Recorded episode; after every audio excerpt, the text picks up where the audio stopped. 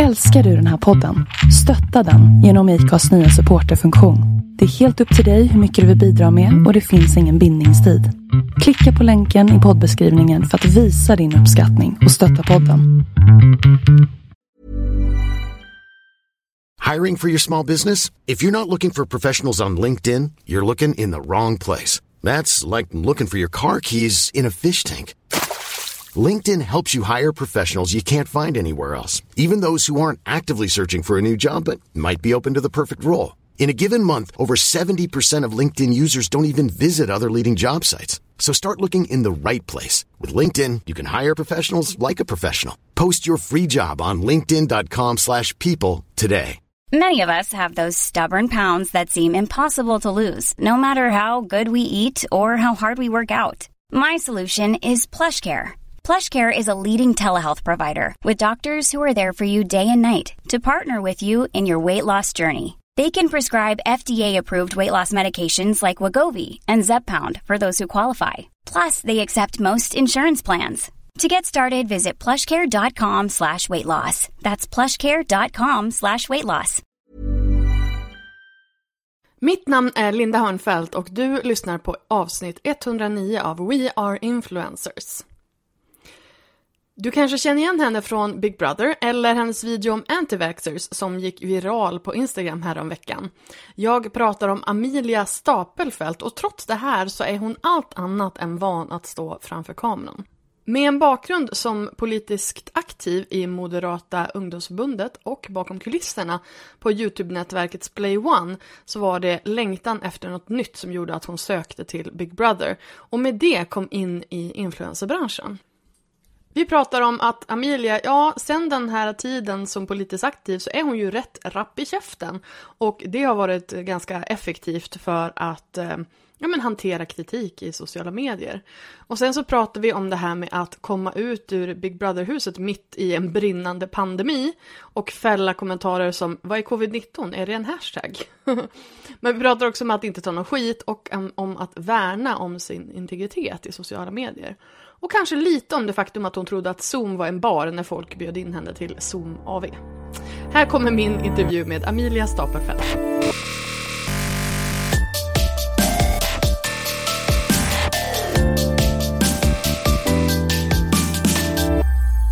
Vi behöver prata om första intrycket på Instagram.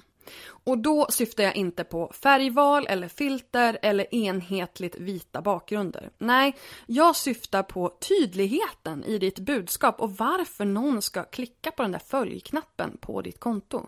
För innan du kan börja planera hur din feed ska se ut så måste du nämligen fundera på hur ska du fånga din idealföljares uppmärksamhet? Tur för dig så har jag fixat en guide för det här. Den heter Maxa ditt Instagramkonto för tillväxt och i den här guiden så visar jag väldigt bra exempel och berättar hur du ska optimera din profilbild, din Instagram bio och dina höjdpunkter för att nya följare ska eh, börja följa dig helt enkelt. Ladda ner guiden gratis på lalinda.se maxa lalinda.se maxa. Hej och varmt välkommen Amelia Stapelfelt! Tack! kul, att få vara, kul att få vara här digitalt. Ja men det känns väldigt bra för mig med. Alltså du är ju en ganska ny person i min sfär. Men jag har ju verkligen såna här människor som du vet, jag hittar någon ny person, börjar följa den personen och då snöar jag in på den personen. Kan ja. också vara algoritmen som gör att, ja. som, som märker att jaha det här är en person du gillar väldigt mycket och puffar upp innehållet liksom. Men du har verkligen varit en sån person för mig eh, den här senaste tiden och eh, jag ser allt du gör and I'm loving it. Ja, eh, så att då, då, kände jag att jag ville prata lite mer med dig och vilken bättre ursäkt att göra det än att bjuda in dig till min podd. Ja, men jag är jätteglad att jag, att jag blev tillfrågad liksom. Ja, men alltså berätta for the people som inte, är, som inte har dig överst i sin Instagram-algoritm. Vem är mm. du? Vad gör du? ja, vad ska man säga? Var ska man börja? Alltså, det jag är just nu kan man väl säga är väl en profil på Instagram som gör både eller som, som ägnar mig ganska mycket åt opinionsbildning skulle jag säga. Och att lyfta frågor som jag tycker är viktiga men som ändå inte kanske blir en renodlad opinionsbildarprofil utan som också liksom fortfarande blandar det med, eh, ja, men med vem jag är och så vidare. Och eh, det har ju varit, det är lite speciellt för att jag jobbade ju tidigare inom, alltså jag jobbade ju med sociala medier eh, i många år, både för andra profiler och på ett nätverk. Eh, och sen så för ungefär ett år sedan då så gick jag in i eh, svenska Big Brother. Och eh, där, innan det så hade ju inte jag något eget följe liksom. Men jag kom ju, när jag väl åkte ut ur programmet så hade jag ju fått det. Och eh, jag trodde väl kanske inte riktigt där och då att det skulle vara ett följe som var särskilt intresserade utav ja, men liksom mer eh, samhällsfrågor och, och sånt där. Utan jag trodde nog att det skulle vara ett ganska ytligt crowd som jag mötte. Samtidigt som jag själv inte kände mig, eller det är så här, jag kände typ att det behövs inte en till bikini tandblekningstjej på Instagram. Och jag aspirerar inte på att bli den Amen personen heller. to that. Ja, men att också så här, det skulle inte, det skulle aldrig funkat för mig för att det är inte jag. Utan där har man ju liksom, jag har ju fått treva mig fram lite under det här året sen på, ja men vilken plats jag, som är min och vilken plats som behövs typ.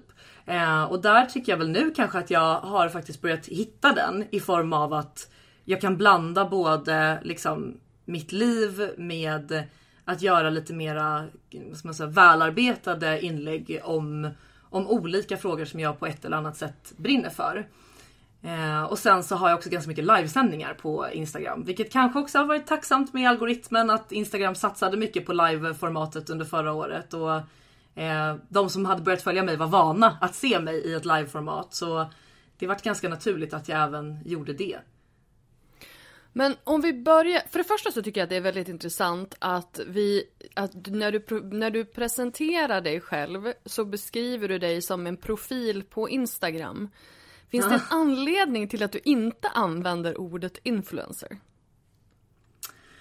Alltså kanske att jag själv är lite trött på det ordet. Och också för att det är så himla, det känns så himla stigmatiserat. Du vet att folk, framförallt nu kanske i corona, att folk är så besatta av att prata om att vad influencers tjänar, vad influencers gör, att de gör för lite, att de gör för mycket. Att vet så att jag kanske jag kanske inte tycker att det är så talande, att det ordet inte talar tillräckligt tydligt för vad jag vill göra och vem jag är typ. Utan då vill jag nog så är det ju precis en... det du gör. Alltså ja. att det du vill göra är ju att ha inflytande, att påverka människor eh, inom de frågor som du tycker är viktiga. Ja, jo, jo såklart. Det kanske är också lite du vet, så att om man har jobbat behind the camera i många år med väldigt stora namn så tror jag att det kanske också blir lite svårt typ att så här, se sig själv som en influencer för man jämför sig lätt med, med eh, hur de som jobbar i större skala gör liksom. Mm. Men ta mig tillbaka eh, till, till det. Eh, vad, vad, är, vad är liksom din bakgrund? Vad är, vad är det här behind the scenes eh, som du pratar ja.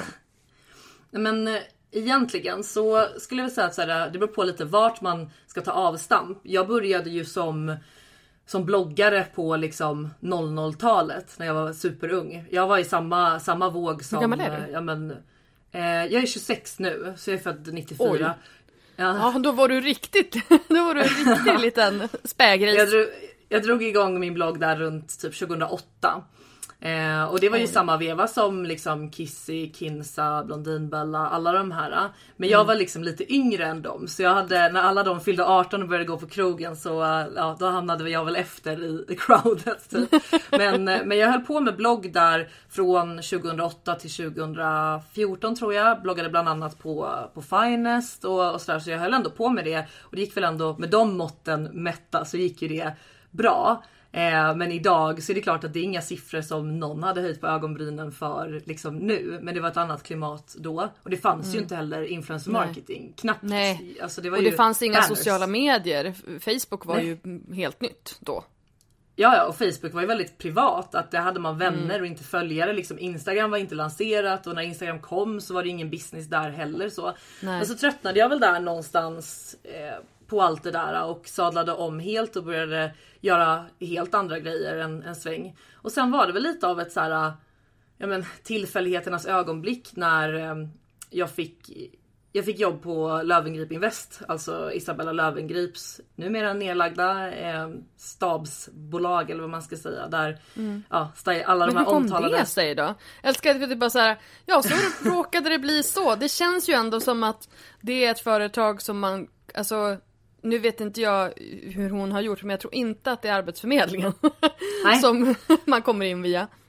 Nej, jag, jag blev kontaktad utav dem eh, och jag tror mm. att de hade fått tips om mig för att eh, Isabella sökte då en tjänst och hon hade väl fått mycket svar på mejlen och orkade väl inte sondera det. Så då gick hon väl ut till eh, liksom, sitt eget nätverk på LinkedIn eller något sånt. Jag vet inte riktigt exakt hur det gick till. Mer än att jag satt på mitt jobb där jag hade jobbat i några år och kände att jag behövde en ny tändning. Och jag, det, det var liksom ingenting som hade med digitala medier eller så att göra så kände jag väl att så här, jag har alltid varit så himla intresserad utav sociala medier. Alltså när Youtube började komma i Sverige så var jag supersnabb på att prenumerera på Therese Lindgrens och Antis kanal. Du vet, så här, jag har alltid varit en early adopter i sådana lägen och känt att jag du vet, så här, gillar hela den, den världen på något sätt. Men inte för att jag nödvändigtvis har velat stå och fronta den själv utan bara du vet, så här, jag har gillat den som en konsument. Liksom. Ja. ja.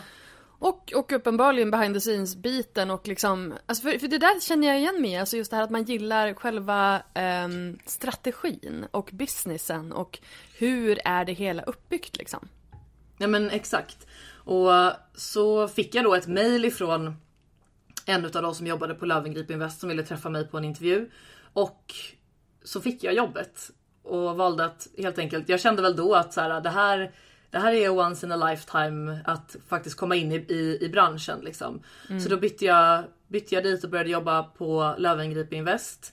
Eh, och det var i 2017 eh, var det.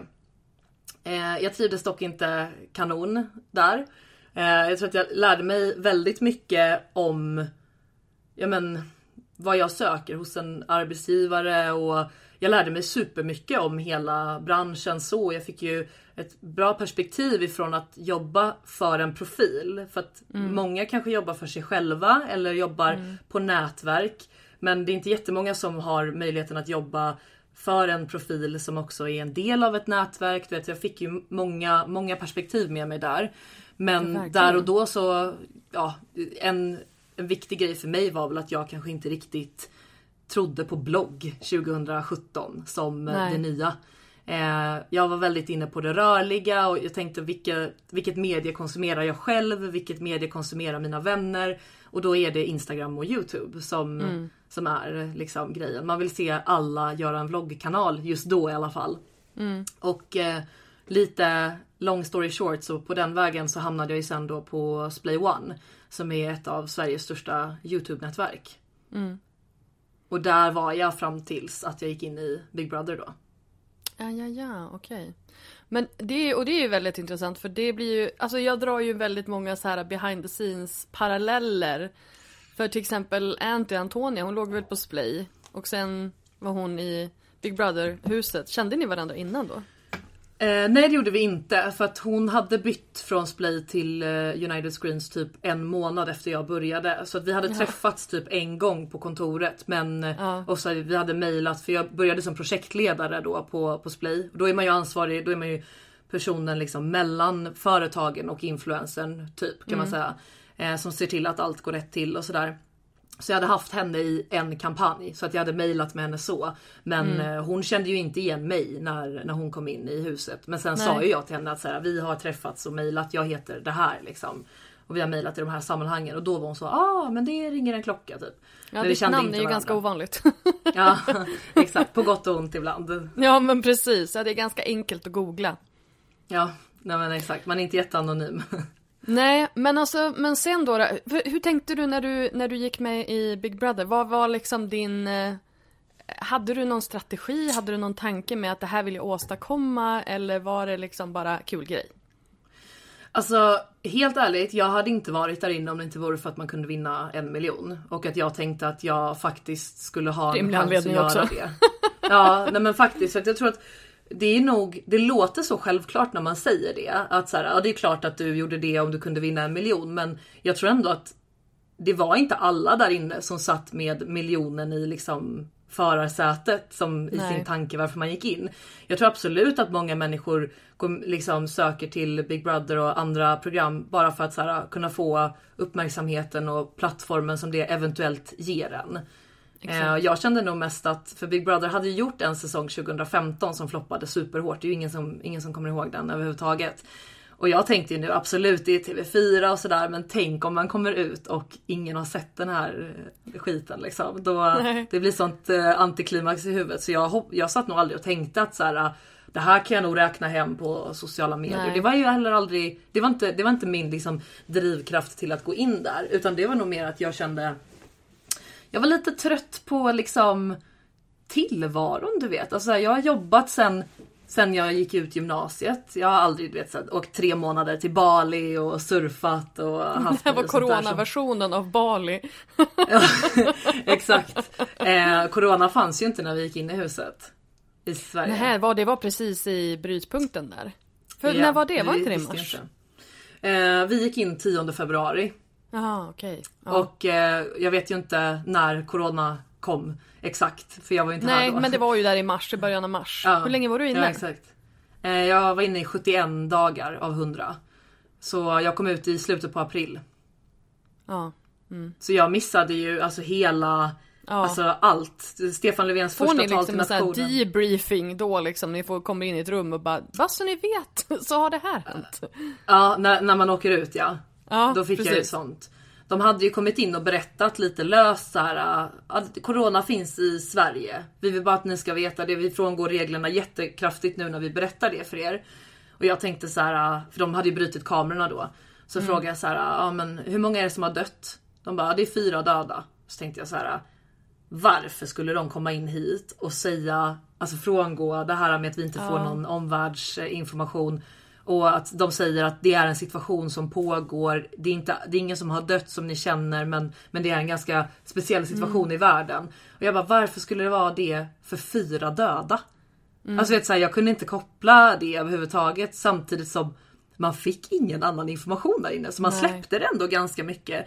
Så jag tänkte ju att de prankar nog oss. De vill se hur vi reagerar på att det sista som vi hörde på nyheterna den dagen vi gick in i huset var att coronaviruset i Kina sprider sig nu till europeiska länder, typ Frankrike. Det var ju så här, det var Mm. det sista vi hörde. Ehm, och då tänkte jag att det här är ett prank. Men då hade de också sagt där när de var inne att eh, flygtrafiken är väldigt kraftigt begränsad. Och då tänkte jag, är de dumma i huvudet? Ska de, ska de säga att flyget ligger nere? Det kan ju jag se. Jag kan ju gå ut och titta upp mot himlen och se att det finns flyg. Var, varför skulle de ställa in flygtrafiken för fyra döda? Så går jag ut och sätter mig och så här, jag är så, jag har det här in my brain liksom. Jag fattar. Så sitter jag och tittar upp så här mot himlen och bara, jag ser inte ett enda plan. Nej. Och bara vad, och du vet, vi hade ju sett plan innan så jag visste ju att de åkte förbi. Vart, och då vart är huset? Bara, eh, söder om Stockholm, Ja. Farsta. Eh, men samtidigt så hörde jag ju bilvägen bullra. Ja. Så jag var ju så här: folk åker bil men man får alltså inte flyga. Och om Det måste ju vara väldigt där, man inte kan få någon information och så sitter man där och bara gärna antingen så är man såhär, ja ja, whatever, släpper det. Eller så spinner ju hjärnan totalt. Ja, ja, ja, men det vart Men typ fick ni prata om det då efteråt? För jag menar, när, när de, ingen fick ju veta att ni visste, eller blev det offentliggjort? Att de hade varit inne? Eh, de, alltså, som jag har förstått det i efterhand så hade de gått in och sagt att vi har informerat deltagarna om corona men de hade inte sagt hur mycket eller hur lite. Nej, och vi men fick ju det faktum att ni kanske lite. pratade om det var inte Ja. så konstigt.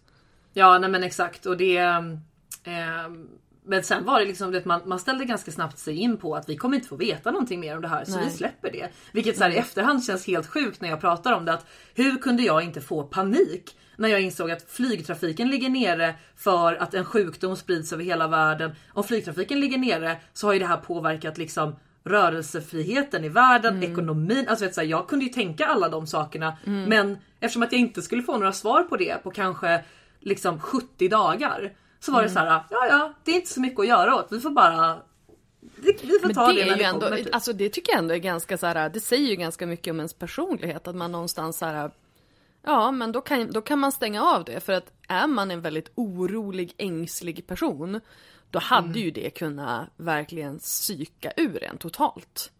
Ja. Ja, ja, och det var väl kanske därför de inte var så generösa med informationen liksom. De Nej. sa ju bara att så här, vi vill bara att ni ska veta att det finns i Sverige och att vi har daglig kontakt med era anhöriga och alla mår bra. Typ. Ja. Så det var ju liksom, vi visste ju inte symptomen eller något sånt Nej. sådär.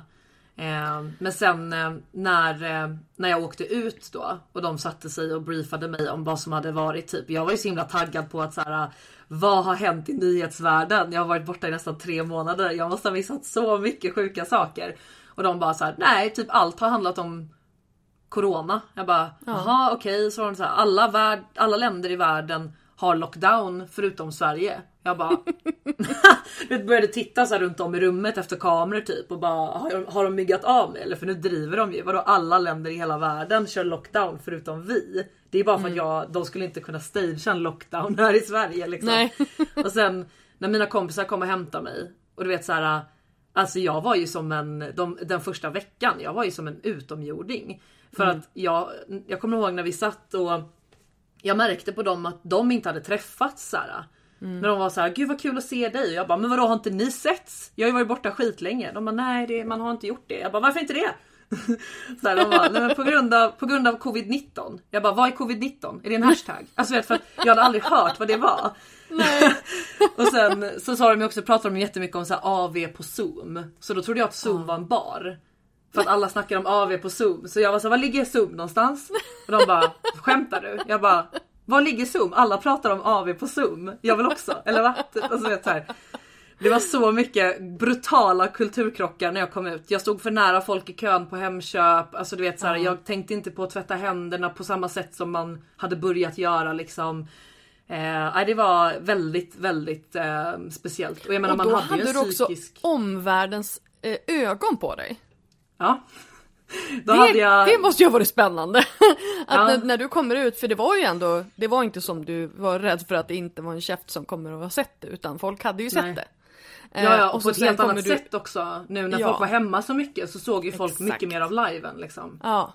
Och så helt plötsligt så kommer du ut och har noll koll på hur man ska bete sig. Hur mycket skit fick du i sociala medier då?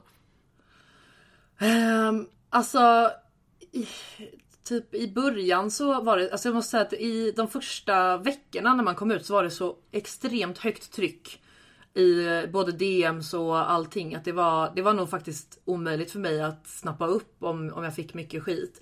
Samt att man även behövde liksom gå tillbaks till sociala medier på ett successivt sätt. Eh, jag undvek, jag var ju bara på Instagram till en början eh, och skulle absolut inte sätta min fot på Facebook och Twitter och andra liksom där det kanske är ja, men där folk inte söker upp mig utan där de diskuterar mig. Ehm, och på Instagram så var det ändå övervägande kärlek I must say. Och vilket jag har förstått även i efterhand var lite förvånande för att det, det är klart att det är en konstig sak för människor när de tittar på ett tv-program och de följer karaktärer i det och man utvecklar precis som i alla serier så utvecklar man ju olika känslor för olika karaktärer. Men i vårat program så blir vi helt plötsligt verkliga över en natt. Vi kommer in på sociala medier och kan läsa ikapp alla kommentarsfälten och folk, alltså för jag du vet så, här, så, så grova som människor kan vara när de investerar så mycket tid i någonting. När de känner så starka både liksom positiva och negativa känslor. De tänker nog inte allihopa riktigt på att en dag kan vi trilla in här och se allt ni har skrivit liksom. Så att jag fick ju, alltså jag hade ju en avrådan från att eh, alltså vart jag liksom hängde på sociala medier för min egen skull och för att man går ju igenom väldigt en väldigt konstig psykisk grej när man kommer ut från huset. Eh, jag hade ju förberett mig på Okej, hur har programmet tagits emot? Eh, vad är folks liksom, uppfattning om mig och så vidare. Men jag hade ju inte alls förberett mig på hela coronabiten. Så det vart ju väldigt så här, det vart ju två dubbla krockar lite samtidigt. Men eh, absolut att jag fick bli varse väldigt snabbt eh, om att eh, folk gärna berättar sina åsikter om de tycker att eh, oj, nu la du ut en, en bild från tunnelbanan. Varför åker du tunnelbana för? Tänker du inte på det här, det här, det här? Du vet, så här det gick ju också från en dag till en annan att jag har ju aldrig behövt fundera på innan jag gick in i huset så var det delvis inget fel med att åka tunnelbana. Och dessutom så skulle aldrig någon person som jag inte känner vräka ur sig massa ilsken kritik liksom. Och nu kom jag ut till en värld där man kunde få sån grov kritik för så normala saker. Du vet, alltså så att Jag blev tror att jag- dubbelkrock liksom. Ja exakt, för annars så förstår jag ju liksom om jag hade gjort kontroversiella saker, att folk hade haft rätt att kritisera mig för det. Men nu handlade det ju så mycket för mig om att jag förstod ju inte att eh, ja just det, det kanske man inte kan lägga ut att vi, eller typ så här, det kanske är dumt att visa det här eller jag vet inte. Men då har jag väl i mångt och mycket ändå, jag tror att folk har haft lite respekt också i början för att så här, jo men herregud hon, hon kan inte ha förstått det här ännu liksom. Helt Nej. och hållet. Så, men jag tycker jag klarar mig relativt från, från sån skit. Sen tänker jag också att, så här, att Big Brother är ju en väldigt stor skillnad till, alltså till skillnad från andra reality-serier som ju är förinspelade. Ehm, och jag menar om du tittar på Paradise Hotel eller Bachelor eller vad det nu är för någonting så det är ju inspelat månader innan det börjar gå live. Och då hinner ju personerna i fråga ja, men, först och främst få distans till vad det faktiskt var som hände och processa det eh, för sig själv.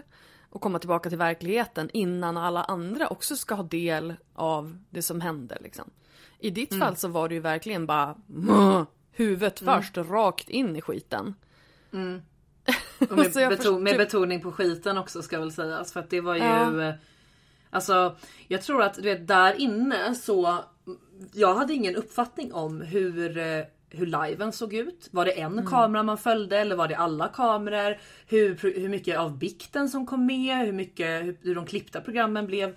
Och jag märkte ju ganska tydligt när jag kom ut att folk, man, jag kunde se tydlig skillnad på de som hade kollat på det klippta programmet och de som hade kollat mycket av liven. Ehm, och det är väl klart man satt ju där inne hela tiden med lite så trygghet i att jo men allt sänds ju. Hur vinklad kan jag bli när allt råmaterial går ut live direkt? Men det kunde man ju bli absolut liksom. Det, alltså så, såklart, för folk väljer ju, det ser man ju även fast man får en väldigt nyanserad bild av någonting och får väldigt tydlig information. Man väljer ju vad man lyssnar på. Eh, Ja, ja. Väldigt många väljer ju liksom plocka russinen ur kakan och bara men du sa ju det här. Jo fast jag sa ju massa annat också i anslutning till det. Men det är det som plockas ut liksom. Men det, är- alltså det, det får ju alla offentliga personer någonstans ta att, att man blir felciterad eller att det, man, det är rubriker som inte alls stämmer. Eh, Ja, verkligen. Så, att, så ja, jag kan ju verkligen, jag kan verkligen tänka mig Jag tror att att blev... folk som följer klippta realityprogram har en generell liten ödmjukhet för att det är klippt. Du vet, alltså, för det upplevde Det jag också när folk...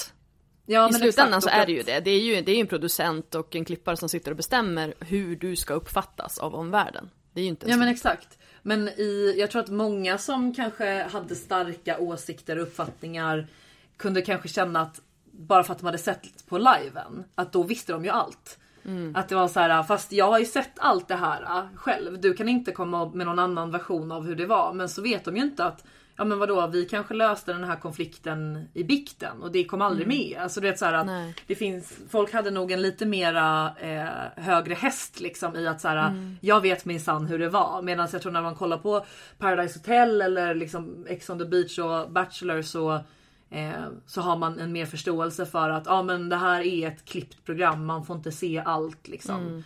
Att man kanske håller lite på, på bromsen i det. Men där tror jag att mina sociala medier verkligen blev extra viktiga också. Ehm, att folk ville diskutera så många situationer som hade varit och det var ju allting ifrån så här. Vid ett tillfälle hörde jag dig prata i liven om Lepsyl. Att du aldrig skulle använda ett visst Lepsyl men ni fick inte säga vilket var, ni fick inte säga varumärken. Vilket var det?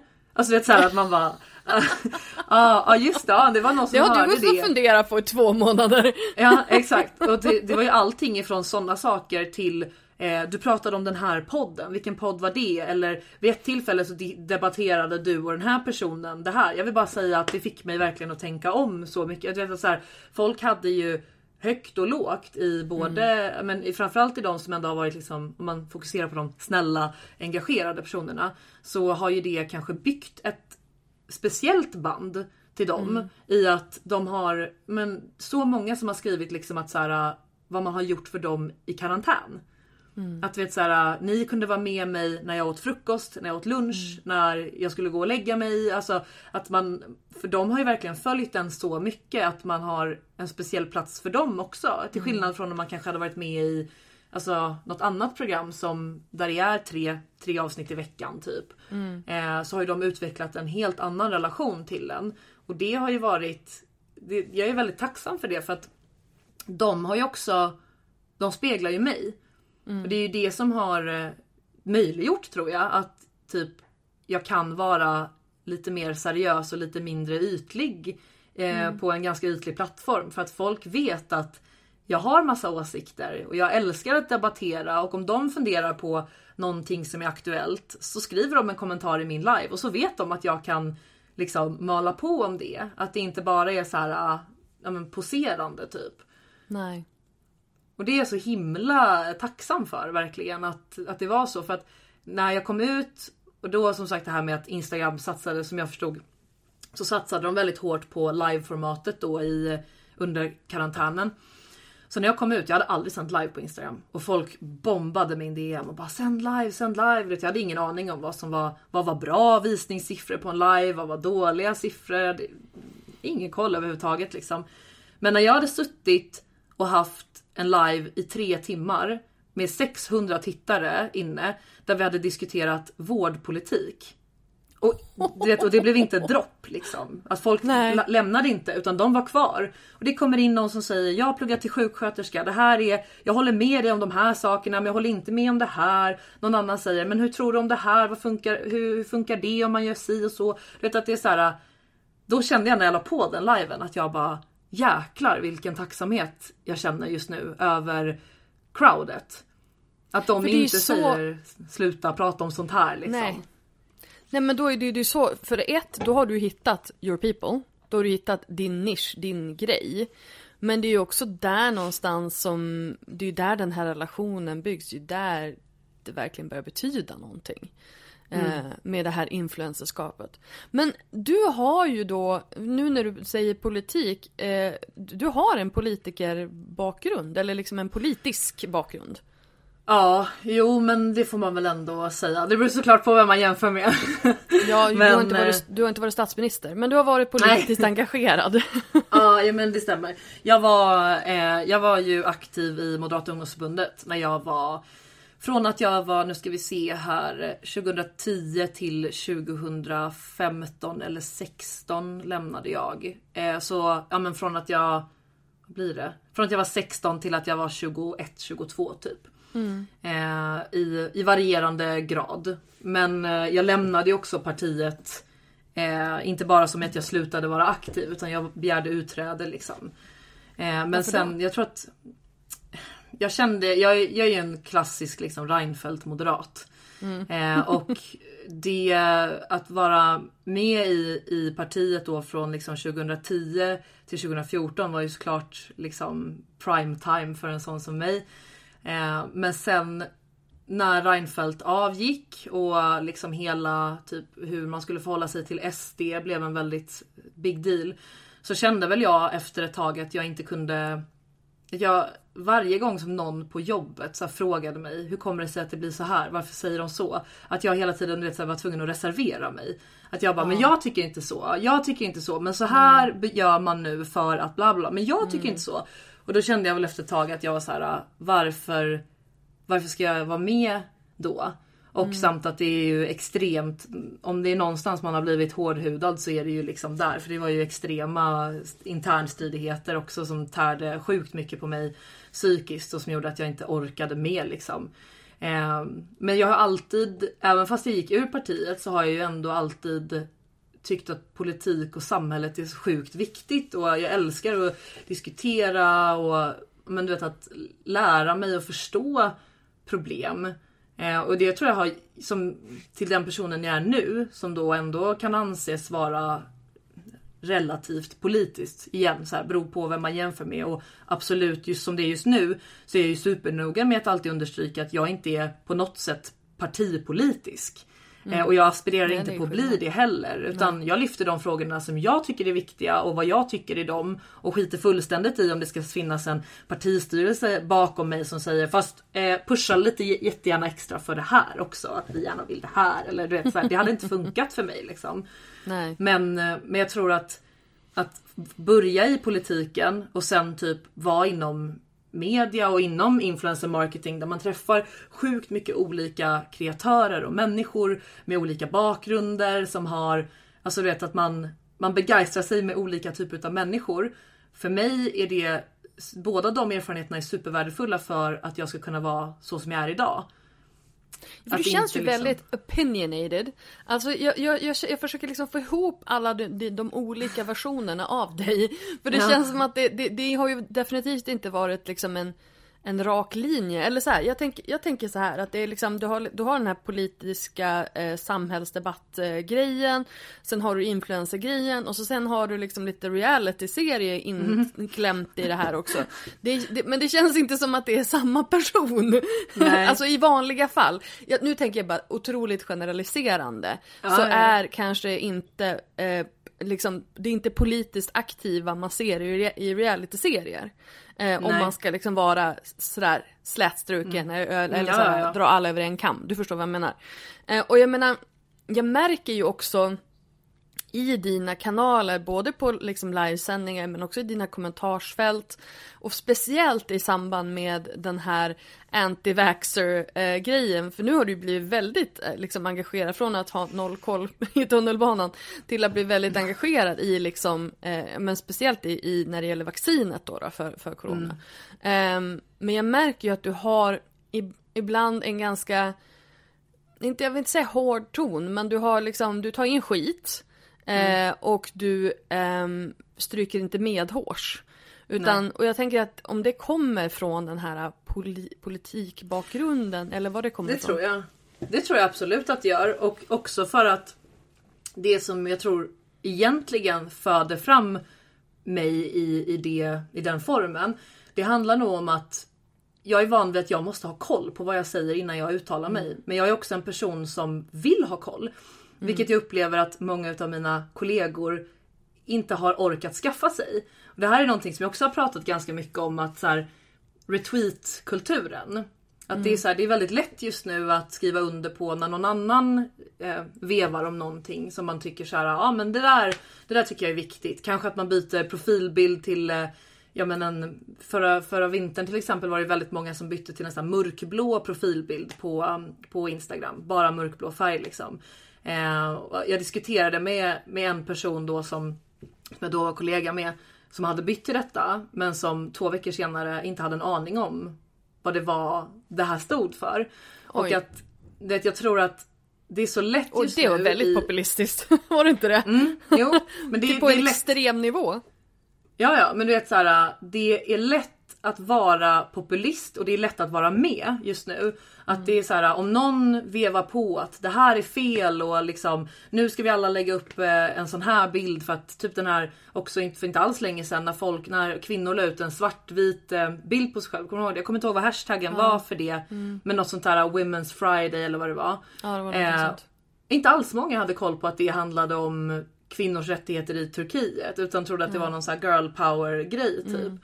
Och jag, jag förstår att det beteendet kommer ifrån att man orkar inte ta till sig information, man är inte intresserad av att ta till sig information, men man har en publik som ifrågasätter. Varför har du inte lagt upp den här bilden? Varför har du inte det här? Utan, du vet, så här, att den, den kulturen finns. Och då blir det nog ganska lätt att man, man repostar saker och så här, signar upp på grejer som man kanske inte har full koll på. Man vet på ett ungefär bara. Jag är inte sån. Jag är tvärtom. Att om jag vill liksom sätta mitt namn på någonting, då vill jag veta exakt vad är det här? Varför tycker jag det?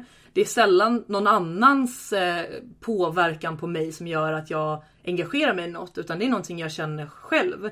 För att jag är sån som person. Du vet, jag är intresserad liksom utav nej men, nyheter och samhället. Och det kommer ju såklart från, också från typ politiken. Eller det var ju redan innan politiken också. Jag har alltid varit sån. Uppenbarligen, man går ju in i politiken av en anledning. Ja men exakt. Och jag tror att det gör att jag vågar ha en lite mera stå på mig ton. För att jag vet vad jag pratar om. Jag är inte rädd för att det ska komma någon och säga ja fast det här, det här, det här. Och att jag då ska få liksom pudla det jag har sagt. Och att då känns det ju dumt att låta så självsäker om man, om man kanske bara du vet, sitter och killgissar. Men jag killgissar aldrig för jag håller klaffen tills jag vet liksom. Ja, nej men jag har fakta. Vill du ha, vill du ha källorna liksom? Ehm, och då, det tror jag att folk uppskattar också för att det är så jäkla många profiler som så här, ja men som jag säger typ att man det är lätt att, att, att joina ett drev och det är lätt att så här, ta, göra, ta ställning för någonting där och då. Men en vecka senare då? Om någon kommer fram till dig och säger ah, gud vad bra det var att du retweetade den där bilden. Liksom, är det ett genuint engagemang för den här frågan eller handlar det bara om att plisa ditt crowd till att så här, ja men självklart har jag också repostat det här. Och där, jag vet inte, där känner jag mig ganska eh, jag ska inte säga unik för det finns ju säkert folk som är likt mig där. Men att det känns som att det är en mer ovanlig sort om du förstår vad jag menar. Att man är så här. Absolut, Jag men då inte- vet man ju också, det här är ju trovärdighet. Det här är trovärdighet på sin, liksom, på sin topp. att, För nu vet, alltså då vet man ju att du kommer inte att, att uttala dig om någonting som du inte har 100% koll på. Och jag försöker vara sån själv. Sen händer det såklart att man lägger upp någonting som man inte har stenkoll på. Men då brukar jag åtminstone försöka säga det. Att så här, jag har inte läst på till 200% men jag liksom det, utifrån det jag ser så vill jag supporta det här eller, eller tycker att det här verkar skräp. Men, men jag vågar inte liksom ta gift på att det är som det är. Eh, och det tycker jag också är, är väldigt viktigt så att man inte bara hoppar på ehm, ja men speciellt drev har jag liksom, ja men efter att jag drog hela den här naked grejen ehm, så har jag, så har jag fått väldigt många som säger men kan inte du ta upp det här, kan inte du ta upp det här? Och då är jag lite så här, fast nej, fast det här är, för det första så är det inte mitt, det är inte min fight. Alltså jag känner ju ändå att jag försöker hålla mig inom någon typ av så här ja men min nisch eller vad ska jag säga inom citationstecken. Att, sen är det ju så här självklart om det är någonting som är helt uppåt väggarna som kommer till my attention så vill jag ju lyfta det. Men jag, jag ehm, men jag plockar inte upp varenda, det är inte min strid. Liksom. Jag måste Nej. välja mina strider helt enkelt. Eh, och då vill man ju vara insatt i de, det man hoppar på. Men jag märker att det är många som gärna vill liksom, du vet, veva igång lite här och där därför att Ja, jag vet inte riktigt varför. Är det liksom, är det uppmärksamheten? För att jag, där någonstans tycker jag att det brister, ofta brister det väldigt mycket i källkritik. Och i ja. liksom någon typ av tänkt igenom saker och ting. Ja. Men det här är också en väldigt intressant sak. För jag menar, som nu, du, din, eh, du gjorde ju då en, en, eh, en IGTV. Eh, Där du då tar upp de vanligaste eh, huvudbrynen, eller vad de, de, de, eh, Motargumenten. argumenten. Ja, ja, precis, argumenten för att inte ta eh, coronavaccinet. Eh, och du är ju väldigt påläst, du är ju väldigt, det är som sagt det finns källor på allting. Men här är liksom, här, är här funderar jag lite grann på hela den här grejen, ja, men, när det gäller Trump och alltså, alternativa fakta. Ehm, och du liksom visar upp, ja, men här, här är forskningen, här är det här. Men vad gör man då om människor säger att Ja men det där är ju, det där är ju inte på riktigt, det där är ju, det där har ju staten grävt, alltså konspirationsteoretikerna. Men jag Vad tror att det var därför jag också ägnade mycket tid åt konspirationsteoretikerna i videon. Vilket inte Mm. andra antivaxxers uppskattade så mycket för det fick dem att eh, det var ju en av de vanligaste liksom, Mm. ilskna meddelanden jag fick efter att jag hade gjort videon. Det var ju folk som var vaccinkritiker som sa att jag var dum som tog med eh, människor som var konspirationsteoretiker. För det fick ju de andra, det fick ju henne att framstå som dum. Konspirationsteoretikerna. Ja exakt men det fick ju henne att framstå som samma skrot och korn och det var så taskigt. Man bara jo fast ni Du you're är aiming for det. the same thing. Ja exakt, så här, ni, ni driver ju samma agenda. Och att jag Exakt. tror att där eh, anledningen till att jag typ tog med det. Det var ju också för att folk ska förstå att så här, eh, alltså in, att inte göra skillnad på eh, på den som lite lätt säger att min kompis pappa jobbar på AstraZeneca och han har sagt att han skulle aldrig ta vaccinet. Till den som också menar att liksom för det hänger ju ihop med att det finns en, så här, en, en hemlig agenda för allt det här mm. och att det hänger ju i sin tur ihop med att till exempel Pau går ut och säger att Läkemedelsverken styr oss och att det finns, eh, finns intressen i att, eh, att Corona finns liksom, att folk tjänar på det och så vidare. Och det hänger i sin tur ihop med Qanon och du vet så här 5G chipkonspirationer. Att det är Oj, så här, det är fort. ja det, nej men du vet så här, det är ju, det är ju ett led. That escalated quickly kan man säga. Ja men att det är så här, äh, den här äh, konspirationen om att typ det finns en ond elit. Om det är Läkemedelsverken mm. eller om det är Bill Clinton eller om det är någon annan liksom. Att det är så här, äh, det är ju olika versioner på samma sak och sen så kan man vara långt ut i ledet av den att bara sitta och säga att jag känner någon som känner någon som jobbar på ett läkemedelsföretag och de skulle aldrig vaccinera sig. Att det är så här, ja just det och för inte alls länge sedan så hade vi ett ganska tydligt exempel på där ett kedjebrev blev viralt i form av att min kompis pappa som jobbar inom underrättelsetjänsten varnar för ett, eh, att det kommer vara terrordåd i Stockholm ikväll. Minns du det i november, december nu för någon månad sedan? Nej, så det var missade det... jag. Bor ju inte i Stockholm det? så det var det kanske därför jag... Det, Nej, men det här var ändå på förbi utanför mig. Ja för det här var ändå på, uh, på nyheterna liksom. Att det kom ändå till så att säga Mm. riksmedia. Att det gick runt ett sms. Riksmedia. Jag- når inte alltid mig heller, jag bor ute på landet. Nej, för det var, det var ett sms som delades då eh, genom, och där, det fanns lite olika versioner av det, men det var ändå genomgående att så här, jag känner någon som känner någon som jobbar inom underrättelsetjänsten. Eh, som i Sverige heter Säpo. Men okej, underrättelsetjänsten låter det ju coolt. Eh, och eh, den personen har precis ringt och sagt att eh, håll dig borta från liksom, kollektivtrafiken nu på Odenplan och T-centralen för att eh, det går väldigt många poliser beväpnade på stan nu för att det förmodligen är ett terrordåd ikväll.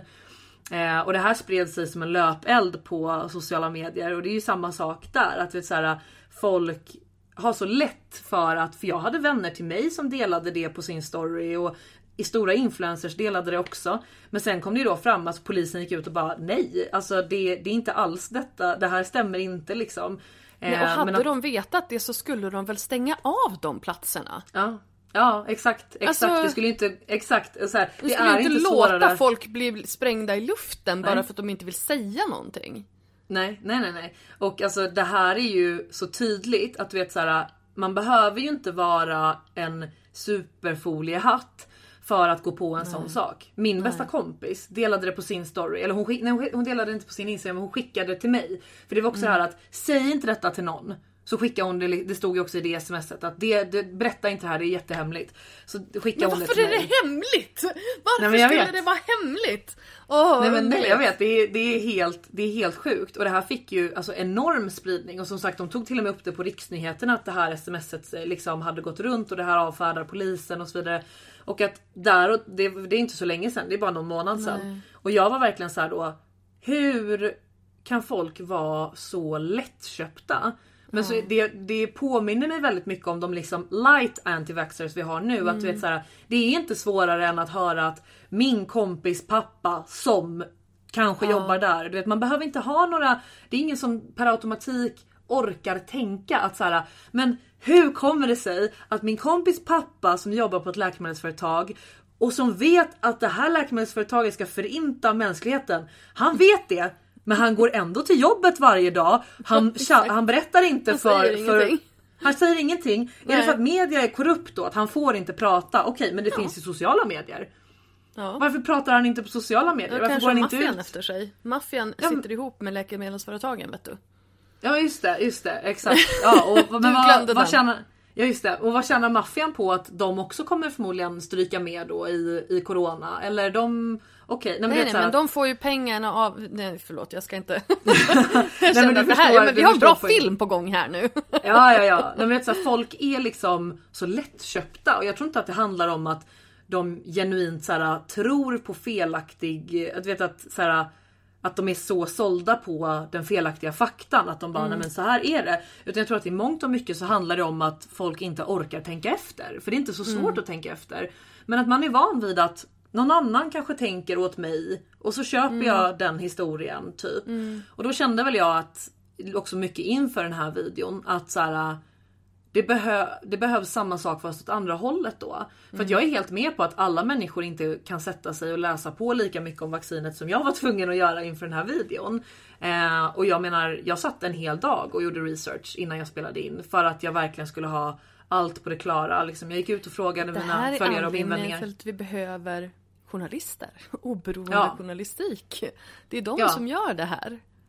Ja, och ifall vi då misstror dem. Nej, nej, men det jag menar är att, men jag menar, alltså det var ju jättefantastiskt bra jobb av dig, Ja. men det jag menar är att i, ett, i en, en verklighet eh, där vi numera även misstror journalister, Ja, ja, ja. ja. Mm. det är ju ett problem liksom. Men Ja, det här ja. är lite grann som du vet, för några år sedan så, så trillade jag långt ner i Flat Earth Society. ja mm. Oh, alltså herregud vilket rabbit hole. Eh, jag, jag hamnade i någon Facebookgrupp eh, där de var så det här, är, det här är Flat Earth. Och då hade de ju liksom samlat alla de här, ja men vart tar, vart tar, var, varför finns det eh, gravitation och eh, vart tar månen vägen och du vet alla de här. Och så hade de ju samlat det och så hade de förklarat allting. Med liksom länkar till forskare och allt vad det är för någonting. Och du vet man bara men får man en sån person på, på de är ju så pålästa inom citationstecken som ni inte ser att jag håller upp ni som lyssnar. Eh, att när man liksom, när man står där, ja men det är ju på grund av det här och det här och det här och man bara Fast, fast nej. fast n- jag, jag har ingenting annat. Det är bara nej. Det, det är, jorden är rund, det är så det är. Jag har, jag har inte mer än så. Jag har ingen hänvisning till en massa, eh, vi, kan, vi kan ringa till internationella rymdstationen. Men de har väl köpta dem också liksom. Eh, Ja. Nej, Ja. men det, det är lite, jag har inte, kan inte för mycket om, om Flat Earth. Men jag såg den här, det var någon dokumentär som fanns på eh, på SVT Play för typ ett år sedan om det. Och där är ju så här, det är också ganska tydligt om man jämför dem att de är ju också så här, äh, skapar ju sin egen fakta. Och den blir också väldigt exakt. svår att argumentera emot för att det är inte så många människor som har järnkoll på gravitationen, du vet och kan på rak arm bara fast va? Utan då blir det ju, det är så det sprider sig också att det är då att, man, att andra inte vet tillräckligt liksom. Exakt, och det är det som är så läskigt. Man sitter där och bara, fast det är klart att det är ett fakta att jorden är rund. Ja, men jag har ju det här och det här och det här. Och jag bara, jag har, jag har min fysikbok från trean. Det, kan, jag kan hämta den. alltså, du vet, man, man har ju ingenting. Alltså in, inte liksom, inte att kontra med till deras liksom science-rapporter och eh, du vet forskningsresultat som inte är forskning. Men, Nej, men exakt. Det, men det är ju det som gör att man blir lite bortkollad och också lite trött. Ready to pop the question? The jewelers at BlueNile.com have got sparkle down to a science with beautiful lab grown diamonds worthy of your most brilliant moments. Their lab grown diamonds are independently graded and guaranteed identical to natural diamonds, and they're ready to ship to your door. Go to BlueNile.com and use promo code LISTEN to get $50 off your purchase of $500 or more. That's code LISTEN at BlueNile.com for $50 off. BlueNile.com code LISTEN. Hiring for your small business? If you're not looking for professionals on LinkedIn, you're looking in the wrong place. That's like looking for your car keys in a fish tank. LinkedIn helps you hire professionals you can't find anywhere else, even those who aren't actively searching for a new job but might be open to the perfect role. In a given month, over 70% of LinkedIn users don't even visit other leading job sites. So start looking in the right place. With LinkedIn, you can hire professionals like a professional. Post your free job on linkedin.com slash people today. Hi, I'm Daniel, founder of Pretty Litter. Cats and cat owners deserve better than any old fashioned litter. That's why I teamed up with scientists and veterinarians to create Pretty Litter. Its innovative crystal formula has superior odor control and weighs up to 80% less than clay litter. Pretty Litter even monitors health by changing colors to help detect early signs of potential illness. It's the world's smartest kitty litter. Go to prettylitter.com and use code ACAST for 20% off your first order and a free cat toy. Terms and conditions apply. See site for details. Ja, ja, ja, verkligen. Men jag tror att det liksom som sagt var därför jag också la upp videon så som jag gjorde. Att det var att bemöta vanliga motargument. För att också så här, jag är ingen läkare, jag är ingen eh, biomedicinare som forskar fram vaccin. Men att den här informationen kan jag ta reda på och jag kan förenkla för liksom alla som hamnar i diskussioner med sådana här människor. För de är vanligare just nu än vad de ska vara. Eh, och att då förenkla liksom genom att då jag som också typ gillar att argumentera och som inte behöver tänka så mycket på okej vad skulle man kunna svara på det här utan som mer bara så här, ja, flexar att jag är lite rapp i truten typ. Då, då kändes det som att man det skulle med. bli Ja men verkligen.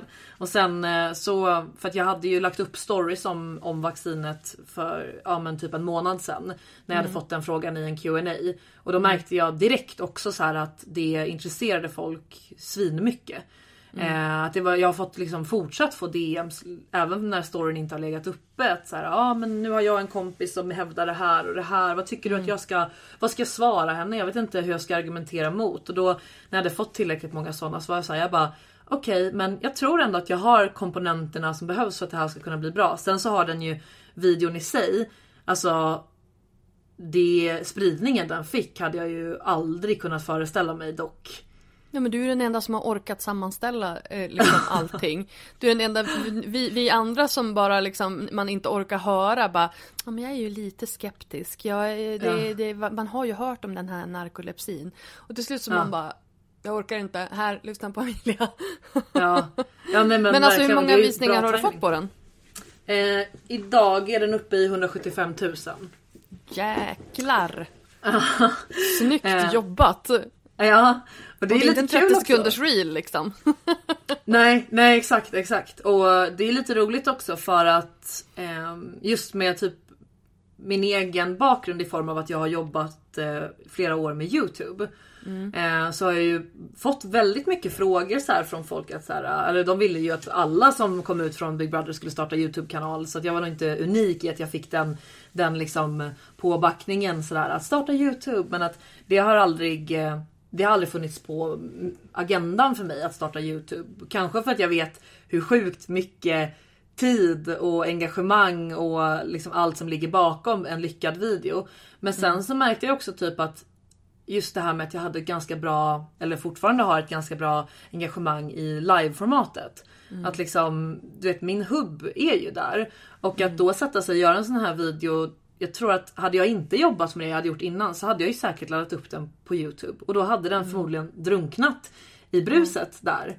Eh, att en oetablerad kanal lägger ut det här och liksom Men det här är ju väldigt intressant. Eh, Så om du skulle sätta liksom Instagram versus YouTube. Vad är liksom, är man ny idag, vad ska man göra? Alltså det beror väl lite på vart man kommer ifrån tänker jag. För att det finns nog inte antingen eller. Ehm, just nu tycker jag väl personligen att svenska Youtube känns ganska dekis just nu. Det känns lite som att luften har gått ur så. Ehm, men det är ju eh, många som, som börjar med Youtube fattar ju inte hur mycket tid och engagemang det kommer kräva dem. De som lyckas härda igenom det kan ju fortfarande lyckas på plattformen även alltså när man börjar 2021. Alltså har du ett koncept som folk kommer klicka på och som du orkar liksom driva fram så kan du absolut lyckas på Youtube 2021. Men typ som i mitt fall där jag kom ut och fick 10 000 nya följare på Instagram på ett dygn när jag kom ut. Ehm, och som fortsatte liksom ticka på och öka upp. Så insåg jag ju ganska snabbt att jag gör mig själv en otjänst om jag försöker hoppa över till Youtube nu bara för att folk säger det. Eh, för att det är här de tittar och jag vet hur svårt det kommer vara att konvertera över dem till, till Youtube. Eh, så att då vart det liksom ganska det känd, jag tror att det var kanske några gamla kollegor som tyckte att det var ett dåligt val i början. Att de bara, men varför startar du inte bara Youtube? För att det är mycket, och där finns det en annan aspekt som jag också får höra ofta att det är svårt att sälja på IGTV. Det är mycket lättare att sälja på Youtube än på IGTV, vilket är konstigt med tanke på att det är väldigt lätt att sälja på stories och på flöde. Ehm, Men tror du Men- inte att det är, alltså att det är lätt att sälja på Youtube, det är ju sökbart. Det, Ja. har, ju en, det har ju en livslängd som är mycket eh, Ja. längre än, än, inte en IGTV, men en stories i alla fall till exempel. Ja, ja gud Ehm, ja. Och Men IGTV är ju inte sökbart på samma sätt. Det är ju fortfarande Nej. jävligt dålig ehm, alltså användarvänligheten på IGTV. Ja, kanske på IGTV-appen som typ tre personer har. Eh, jag har Mm. Du och jag är ner den. två av dem, Ja va? exakt, jag laddade ner den för att jag skulle ladda upp en video. Ja exakt. Så, och, det, och det är också inte så ladda konstigt. upp den. Fan, För den var längre än upp den. 15, för den var längre än 15 minuter. Men kan, man- kan man inte ladda upp den på datorn då? Jo det är jättekonstigt. Man kan inte Ja, ladda det- upp det- IGTV jätte- i vanliga appen och så då måste man ladda ner IGTV-appen. Men du kan inte ladda upp en IGTV i IGTV-appen om den är längre än 15 minuter. Då måste du gå till en webbläsare som man aldrig använder med Instagram. Alltså det Så det är- helt Det haltar ju lite. Ja, det de, de IGTV som jag har gjort som inte är livesändningar, de har ju klippt på datorn och då har de ju Mm. blivit över 10 minuter och då har jag laddat upp dem. Men jag tror jag hade gjort en som var under 10 minuter och då kunde jag inte ladda upp den på datorn så då var jag tvungen att airdroppa den Ja, till min telefon ja. och sen ladda upp den. Man bara Nej, This makes vet, no det- sense! och det är verkligen så här. jag fattar ju att Instagram vill ju också, de vill ju utmana Youtube liksom i, Mm, i det vad går sådär. erbjuder med. Ja men, så här, men det går också åt rätt håll tycker jag. Det känns som att det har blivit, Mm. för det handlar ju så himla mycket om också hur deras Alltså hur plattformen Instagram ser ut. Att Mm. man får ju tills för typ ett år sedan, då fick du ju bara upp bilder i Mm. utforskarflödet. Du fick inte upp någons IGTV där. Men om den får en plats där och det är så att, att de som plattform också pushar för så gör de ju mycket med reels nu. Att de är ju så Mm. måna om att komma ikapp, eh, komma ikapp eh, TikTok. Att Instagram pushar ju reels på ett sätt som gör att när du väl testar att göra det så kommer du bara wow, gud det gick ju jättebra det här. Och så gör du Exakt. igen och igen och sen successivt flyttar folk in. Det var de ju lite sega med med IGTV om man ser det som att det ändå var en utmaning mot Youtube. Att de hade ju behövt dra en push för det liksom. Eh, på ett annat sätt än vad de kanske har gjort. Men nu så var det ju för mig var det ju självklart att göra den där videon på IGTV för att jag visste också att folk delar ju det Mm. på ett helt annat sätt än vad de delar ett Youtube-klipp. Folk kan inte göra, alla kan inte göra swipe up. Ska de swipa upp till min Youtube-kanal eller ska de göra egen grafik och säga in och se den här Mm. videon? Nej nej, där var det ju, har ju varit supervärdefullt att videon startar ju i en, alltså du vet eh, förhands... Exakt, det, bara det faktum att den startar, för det gör den ju inte. Nu när jag skulle eh, skriva att jag skulle eh, podda med dig, då delade jag Ja. ett av dina klipp som du har i flödet. Och den startar Ja. ju inte automatiskt, inte för mig i alla Nej. fall. Nej, eh, nej. Och det är ju rätt sugigt med tanke på att det gör det, ja men reels gör väl också det och IGTV att det startar automatiskt. Eh, Mm, Exakt. och det kan man ju också inte liksom hjälpa och tänka att är det då en strategisk grej? De vill inte att man lägger upp video i flödet. Utan de vill att man Säkert. lägger upp det eh, i, på IGTV eller på, på reels. Så Ja, det är ju, säkert, det är ju säkert. väldigt intressant. Men jag tänker liksom att, nej men det, det är precis som du säger, har du liksom 10-15 tusen följare på, på Instagram, varför ska du då försöka konvertera dem till IGTV, Makes- eller till, till YouTube. Det, YouTube. det verkar ju inte vettigt. Men det beror ju också på vad man har för ämne. Är man liksom en mer livsstil, sådana saker, men gör du någonting som är... Jag tror säkert att den där videon skulle funka på YouTube i och med att den, den skulle vara så pass sökbar.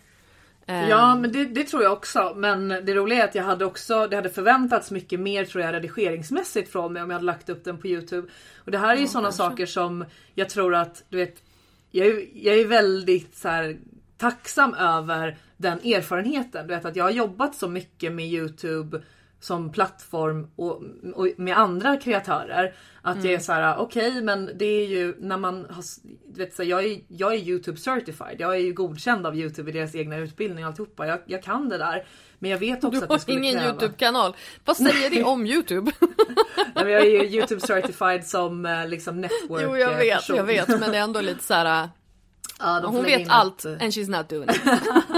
Nej men det är också för att så här, jag tror att det är en fördel också med IGTV att folk har inte lika höga redigeringsförväntningar på Nej. innehållet. På Youtube, när du har satt dig ner och valt det där klippet som inte har startat automatiskt utan du har sett en thumbnail som det är så här: okej men den här kan vara någonting nice för mig. Den kanske är 10 minuter lång. Då förväntar, då automatiskt kommer du tänka att du ska ha ungefär 10 minuter att se det här. För tänk om det är jättebra, då vill du se hela. Du sitter kanske på bussen på vägen hem från jobbet innan corona då eller... Alltså vet du, att Medan IGTV är en mycket mera, det beteendet som folk har på Instagram. Som är lite mera jag swipar tills jag hittar någonting som jag, som jag gillar. Swipar, scrollar. Jag scrollar tills jag hittar någonting som jag gillar. Swipa är ett annat, annat medie som jag inte är certified i. Tinder certified. Det hade varit någonting. Skulle kunna, skulle kunna Helt, bli. helt ny Eh, målgrupp. Ja exakt. Nej men att så här, du vet, det, det är olika beteenden på plattformarna. Och jag tror att jag har haft väldigt stor nytta av att veta de sakerna på förhand. Till exempel med eh, exclusive information kring behind the scenes på vaccinvideon. Att från början så var det ett helt annat intro som, som jag hade lagt där. Och sen precis innan jag skulle spara hela versionen så var jag så här. Nej, för det är ju det här som kommer spelas upp om folk delar den. Exakt. Då är det inte det här som kommer få folk att vara så här: det här tittar jag vidare på. Mm. Så då satte jag mig och spelade om. Så den första scenen, det är ju, alltså det, är ju det sista jag spelat in. Att jag satte mig och var så här: okej okay, jag har 15 sekunder på att säga det mm. viktigaste som ska få folk att både se den här och kanske också kunna dela den vidare. Mm. Jag menar det tänket hade jag inte haft om jag inte hade jobbat med content mm. på liksom ett nätverk eller att jag hade jobbat i eh, ja, men med sociala medier på det sättet. För då hade, man, då hade jag behövt lära mig det by doing. Liksom. Exakt. Ja, men det, är, det, är så, det är så strategiskt smart. Och jag tänkte på det. När mm. jag delade den så tänkte jag på det att det här har hon tänkt på. Det här är inte ja. en slump att det här är så tight intro liksom. Nej, så nej, nej, det, det, det, det, hopp, det hoppas jag fler, och det, det, det tänker jag på nu när jag kör livesändningar som jag vet att jag vill mm. spara. Så när jag kör igång så du vet, ja men nu tänkte jag att vi skulle prata om det här, bla bla bla, försöka hålla igång i 15 sekunder. Så att mm. man vet att okej, okay, men nu om jag delar det här då är det inte Hallå kompisar jag ska bara vänta tills eh, det mm. kanske kommer in några fler. Är det någon här? Så, är det exakt, någon, någon här? Hallå, hallå, ja. Alltså det är, utan då får man liksom snacka för, de första 15 sekunderna får man snacka för eh, replayen mm. liksom. Ja, ja eh, verkligen. Men det, det, det, är inte många som tänker på det. Så det är ju faktiskt en liten, en, där fick ni en liten nugget. Nugget of ja, wisdom. Verkligen. Mm. verkligen. Och jag tror att det är både väldigt rörigt i mitt huvud men samtidigt så är jag ju i grund och botten extremt tacksam över att jag sitter, du vet på liksom, min, min hjärna sitter på tre stolar. Alltså vet, den sitter på en produktionsstol också i att så här: okej, okay, vi ska göra den här videon på IGTV. Ja, då ska vi se här. Mm, research först då och sen manus. Hur många skulle sätta sig och liksom skapa ett manus? Alltså jag läser ju inte innan till men att jag hade inte kunnat sitta och babbla ur mig allt det här utan nej, att ha någon Gud, form av följd som jag liksom mm. går efter. Och att göra den på ett bra sätt som inte bara känns bra i munnen utan som även blir bra i klippningen och som mm. flyter på bra. Som inte gör att liksom. ett, ja, precis, att ett segment inte i början blir alldeles för långdraget för då kommer folk stänga av. Finns mm. det något som ska vara lite mer långt, ja då får jag nog lägga det i slutet. Typ. För då är de de som är mest intresserade som är kvar. Mm, eh, och sen då fast. också... Ja men exakt, så att så jag har ju en produktion, alltså content production hjärna. Som mm. jobbar med även nu mig själv som liksom frontface. Vilket mm. är mer ovant för att jag kanske är mer egentligen så eh, kanske jag gillar mer att hjälpa andra på det sättet. Jag är ju på det sättet ändå lite, det kanske hänger ihop igen med det här vi pratade om i början, att varför jag inte direkt säger att jag är en influencer. För att jag typ, eh, jag är lite ovan vid att det är mm. jag som dirigerar mig själv liksom. Och mm. inte att jag dirigerar någon annan typ. Hur känns det då? Känns det, känns det som att du är på rätt plats eller känns det lite som att fan jag ska inte vara framför kameran, vad är det här för trams? Alltså både och typ för att i rent så här, när jag lyckas göra innehåll som typ vaccinvideon eller jag gjorde också ett eh, inlägg i december om eh, eh, att Abbe Blattelito blev frisläppt då från fängelset och vad det innebär liksom rent eller så här, vad det är för lag som gör att en människa kan komma ut så snabbt mm. och vad man borde ändra liksom. Den blev också viral typ. Den mm. nådde 750 000 människor och fick typ 100 000 likes. Så det var ju dock en bild i flödet men den gick ju också att dela. Hade jag gjort den som mm. en story så hade det inte blivit samma Nej. sak liksom. Eh, men, men jag tror att när jag lyckas göra de sakerna där reaktionerna är liksom när man folk är så tacksamma för det man gör. Att man tar mm. sig tid att sitta. Att jag har suttit och läst research i ett dygn för vaccinet för att någon annan ska kunna använda sig av det. Den reaktionen man får tillbaks.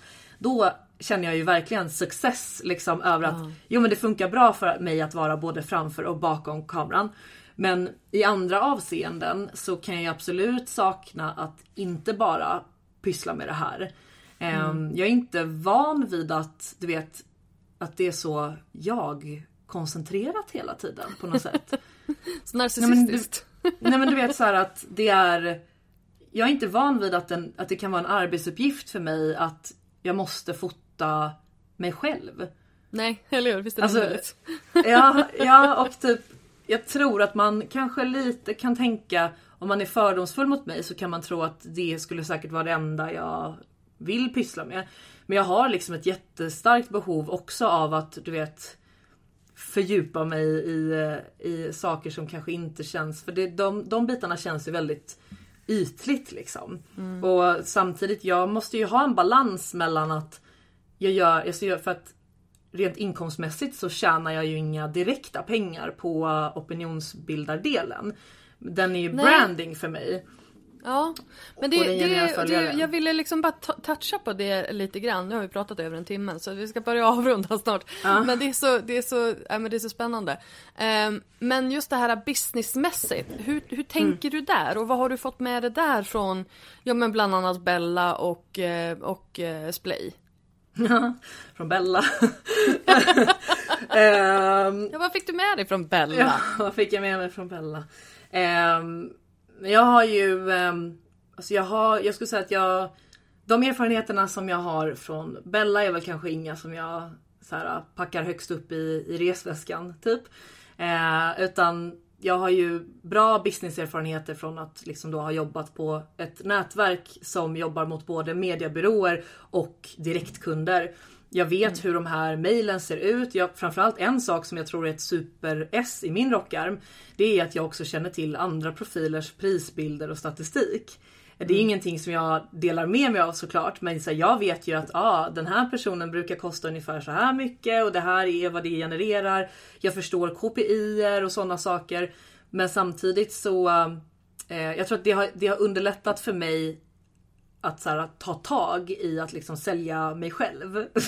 Oj, det var Ja men ja, bra ja, men, mening. det är jättebra. Jag tror ju, det är ju, det är ju just det där att många, man fastnar ju i, de allra flesta som, som kommer till mig, eh, de fastnar ju i, jag vet inte var jag ska börja någonstans. Jag vet inte vad jag ska ta betalt, jag vet inte vad jag är värd, jag vet inte vad andra tar betalt, vad är liksom, hur börjar man, vart, vart, vart, hur ska man tänka? Och Ja, där har ju jag liksom en rekommendation men den utgår ju främst ifrån, ja men den utgår ju ifrån erfarenheter såklart men också liksom samtal med, ja men sådana som dig, sådana som har liksom insikter i, på andra sidan branschen. Men, Mm. men det pratas inte om det. Och det är Nej. ju ett, det är ett stort problem liksom att alla sitter på, på sina siffror liksom. Men jag tror att det är också så här äh, lite svenskt typ att man både att det finns mycket avundsjuka tror jag. Att om jag gör ett samarbete med ett företag och så gör någon annan som jag känner det med men den personen fick dubbelt så mycket arvode än mig. Att man du vet så här, att man är rädd att man skäms lite kanske för, för det för att man förstår kanske inte att det handlar om att den personen är en bättre förhandlare för sig själv. Exakt. Eh, Exakt. Om man liksom, För det är man, det det handlar om. Nio gånger av Ja. tio så handlar det inte om di- dina siffror, det handlar inte om eh, ditt engagemang eller din kvalitet eller någonting sånt utan det handlar om hur bra du är på att förhandla och hur Ja. starkt varumärke du har. Och vissa har ju supersvårt för att förhandla för sig själva. Jag som har förhandlat åt andra profiler är ju liksom så här. äh, Jag vet ju hur, hur det, att det är svårt för många. Men jag har ju också svårt att förhandla för mig själv. För att det är en helt annan, en, det är en annan roll liksom. Men, eh, men jag tror att det blir lätt så att man inte vill prata om siffrorna för att man blottar ju sig själv så mycket i det här yrket.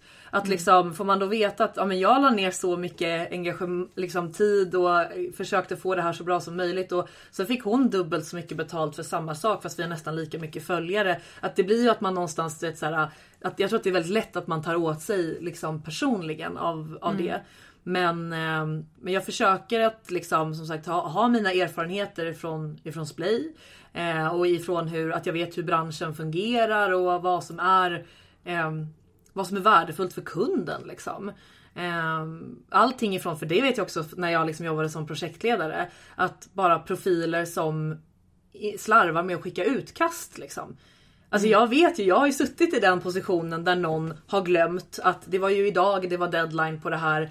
Jag sitter med en kanske mediebyrå eller kund i andra, andra änden och så får inte jag in materialet från den profilen. Så då ser ju, sitter jag där med byxorna nere och kanske behöver hantera, alltså hantera den situationen för att en profil bara skulle skicka in det dagen efter för att den personen kanske inte förstår hela kedjan upp och hur mycket det påverkar att man blir lite sen typ.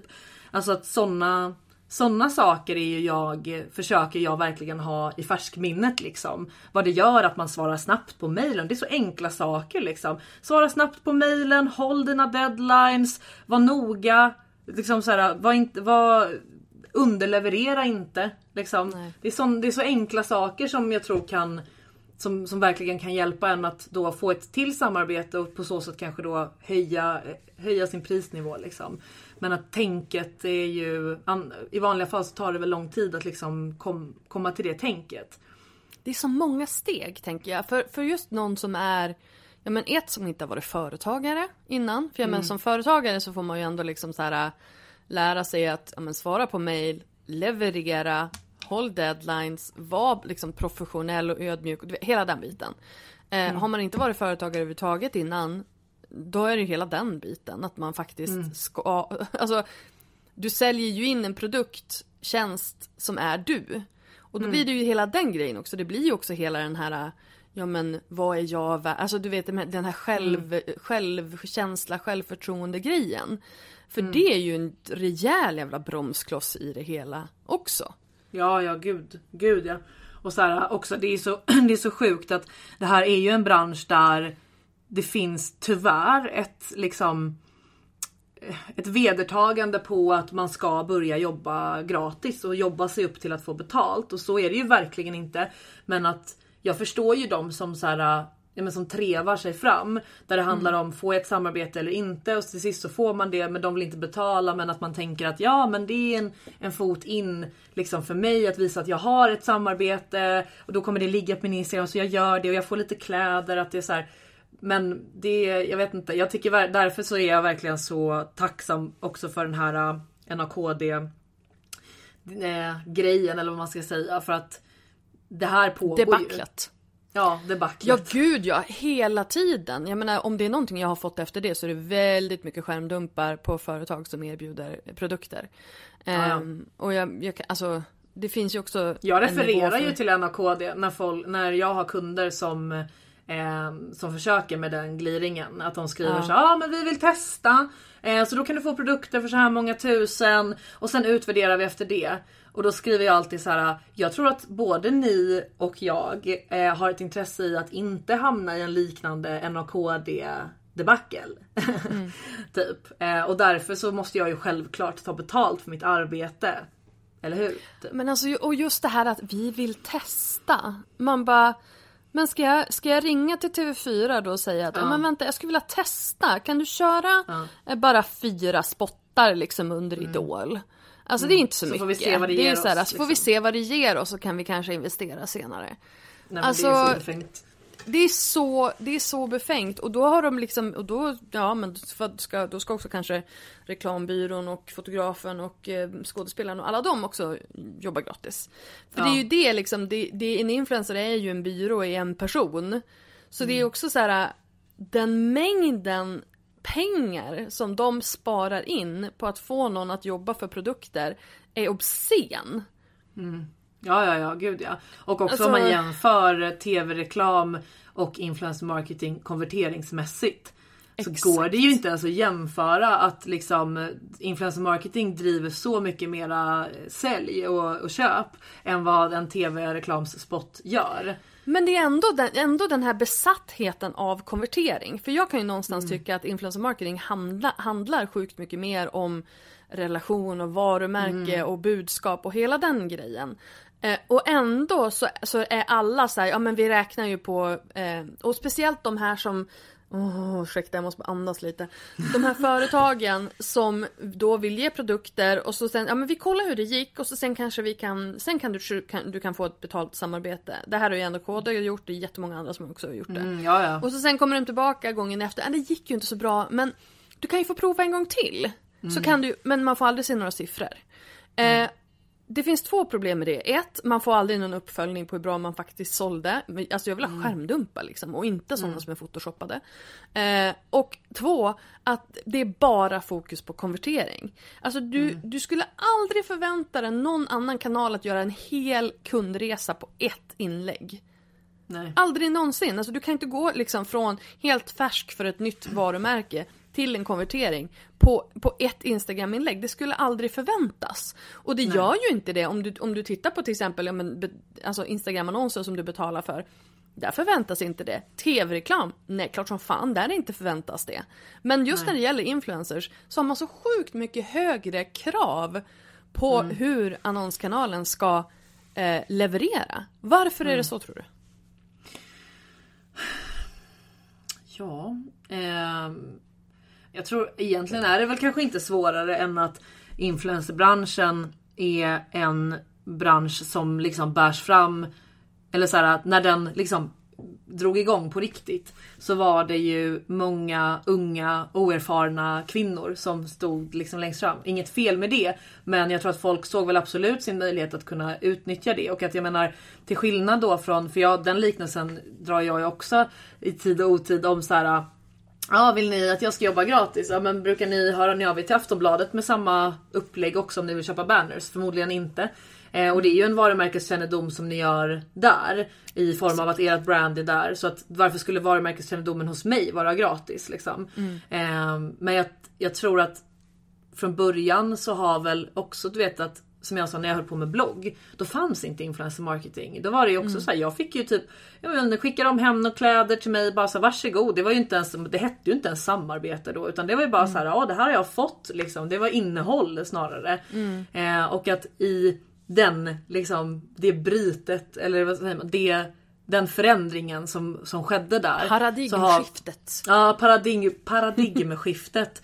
så har väl företagen sett sin chans att kunna, out, alltså att kunna utnyttja att personer inte har bättre koll på vad de gör. Och sen har det blivit en kultur liksom. Som, är, som Mm. Och det ingen det, förutom alltså, kunderna tjänar så, på. jag är så ledsen och glad att du sa det. För att det hade ju varit mitt svar på den frågan som jag ställde. Så hade jag ju svarat som, som du precis svarade. Och, för jag tror absolut att det är så. Att vi har ju tillåtit, eh, tillåtit oss bli överkörda. Ja, ja. Det, är den enkla, Ja. det är det enkla svaret. Ehm, jag tror att hade det varit ett gäng snubbar som hade lett den här branschen så hade, inte, hade vi inte blivit överkörda på samma sätt. Tyvärr! Men det är så samhället ser ut liksom. Så att där har ju vi konkurrens- Absolut har liksom företaget ett, ett, ett ansvar, eller ett ansvar, alltså då, jag tycker ju att de flesta företag vill inte, jag tycker inte att de skulle vilja se ut som idioter. Och säga att nej men vi har som eh, policy att inte betala för samarbeten. Ja men vad fint att ni skryter med att ni inte betalar era konsulter. Jättebra. Ehm, och jag menar absolut, men, men jag har så många influencers som säger så här, bara, ja men företagen de vill ju inte betala. Och man bara, nej fast du måste ju sluta ta skit. Du måste Ja, ju stå, ja. stå på dig, det är ju ditt ansvar. Men och sen så får jag höra in- då att ja, men de borde betala för det här och bla bla bla. Men som influencer så ger du heller dem ingen, inga incitament till varför de borde betala dig. Förutom det faktum Mm. att du vill ha betalt. Ja men varför ska de betala dig då? Du måste ju sälja Mm. in dig. Det är så många steg som missas liksom. Ja och jag tror att man också är, det är till skillnad från om man liksom vill köpa reklam på en TV-kanal. Så så här, du har tre TV-reklamer eller tre mediehus i Sverige som du kan köpa TV-reklam på.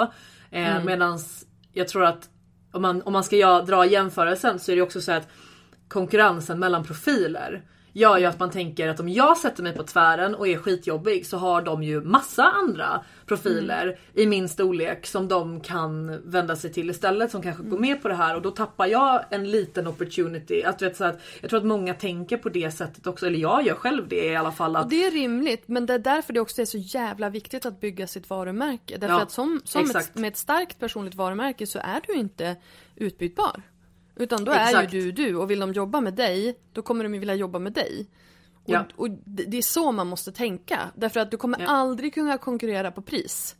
nej. Det här är en bransch som du aldrig kommer kunna konkurrera på pris för då kommer du ehm, Ja men du kommer, bli bankrutt liksom. Alltså det, det kommer inte hålla. Och, Ja, ja. Och, och ifall du ska konkurrera på pris så måste du göra många fler samarbeten vilket betyder att du kommer urholka din trovärdighet. Ja. Så liksom, då går vi tillbaka till ruta ett. Vad behöver vi? Jo, vi behöver en följarskara, vi behöver trovärdighet och vi behöver Mm. jävlar anamma för att ta för oss liksom. Ja, ja, och trovärdigheten och den profilen man ska vara. Det är också så här typ som jag sa att det är väl typ först nu som jag landar i så här vilket fack på Instagram kan jag sitta i? Jag kände ganska direkt att så här, ah, nej jag kommer nog inte pumpa ut massa så här tandblekningssamarbeten eh, och eh, den typen utav bara så här snygga bilder på Instagram för att jag hade inte själv velat följa det. Och det finns väldigt gott om det och jag kommer inte att göra det bättre än de som liksom redan gör det. Men för även fast man kan sitta på all den här liksom faktakunskapen som du och jag pratar om nu. Att man är såhär, ja men man måste ha det här för att det ska funka, man måste vara si och så.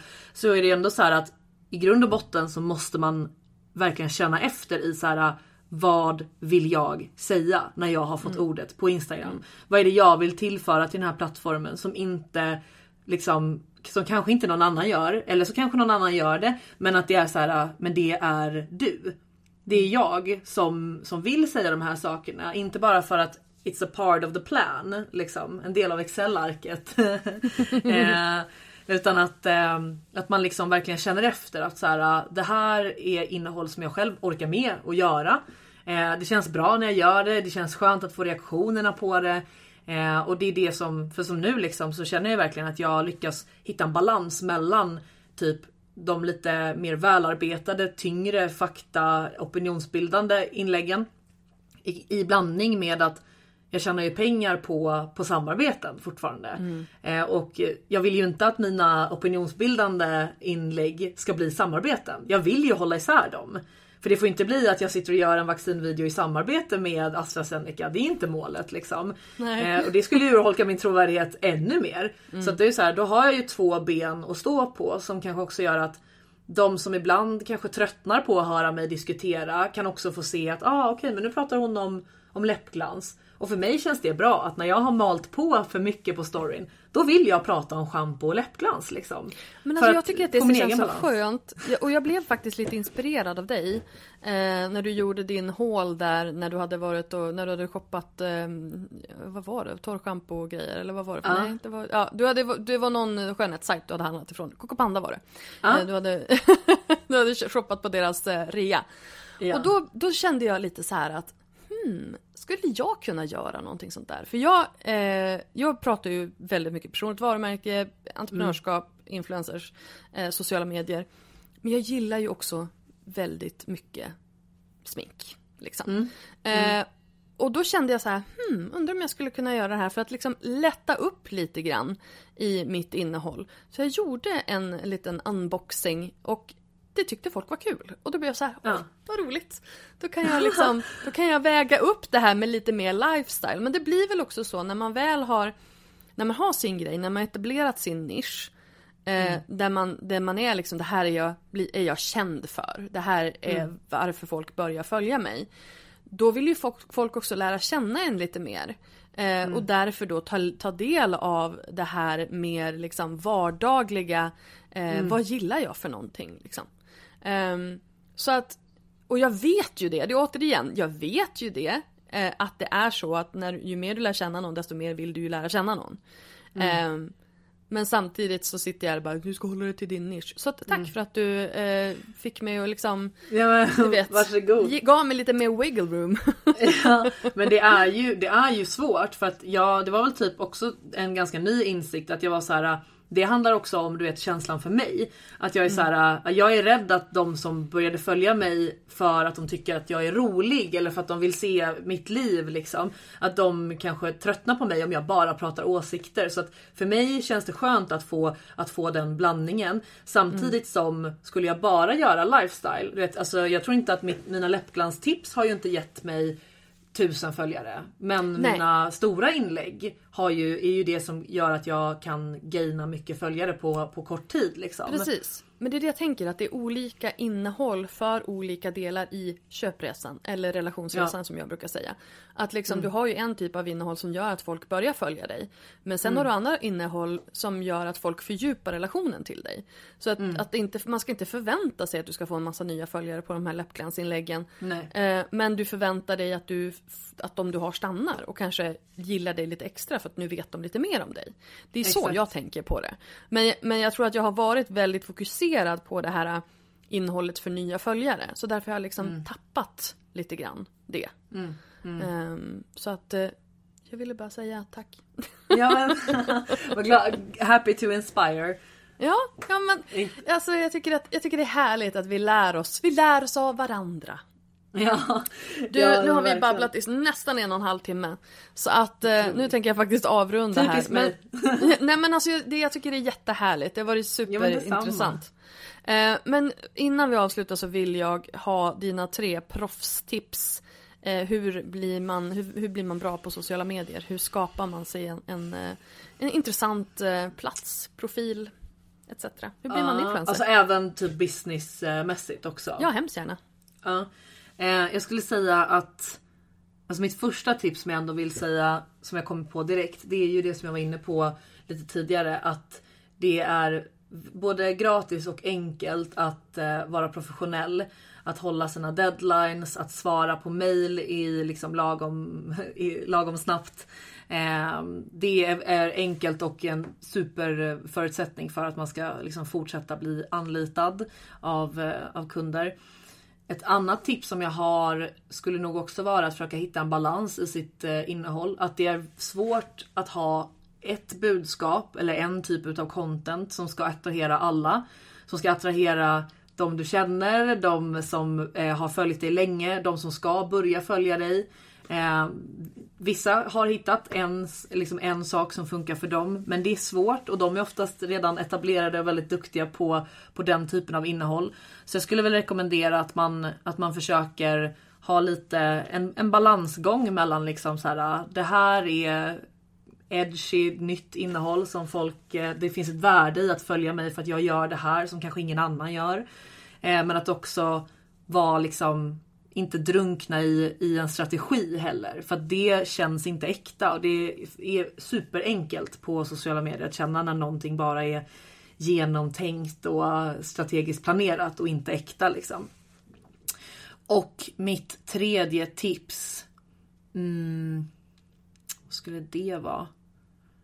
Alltså jag tror typ att mm, beroendes beroende på vart man är såklart. Men att det ger sjukt mycket, alltså folk är väldigt benägna av att liksom kunna hjälpa och backa upp eh, varandra.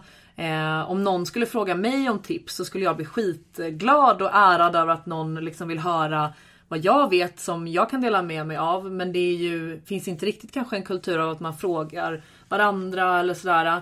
Eh, för att folk är rädda för att det handlar om, men typ om man frågar någon som kanske har mer följare än en själv. Så här, hur gör du i det här och det här? Så är väl, tänker man väl kanske att de är vana vid att folk klänger på dem och vill bli en del, få, få en del av deras uppmärksamhet. Men att så här, folk är väldigt hjälpbenägna. Eh, tror jag. Delnings, alltså att delar du någons inlägg så kanske de delar ditt inlägg nästa gång och så vidare. Att man hjälper varandra men att man kanske måste våga eh, vad, vad, liksom, våga be om det. Typ. Det skulle nog vara mina tre. Men du, tack snälla Emilia för att du var med i podden. Det var jätteroligt att få prata med dig. Ja men detsamma! Tack för att jag fick, tack för att jag fick komma. Det var det. Jag hoppas verkligen att du har fått några nya insikter, några små aha-upplevelser eller bara lite härlig inspiration av det här avsnittet. Om du gillar podden så får du hemskt gärna stötta den genom att ge den ett betyg, eh, gärna ett högt- sådant, i din närmaste podcast-app. Och glöm inte att connecta med mig på Instagram, lalinda. Vi hörs nästa gång. Sköt om dig så länge. Hejdå!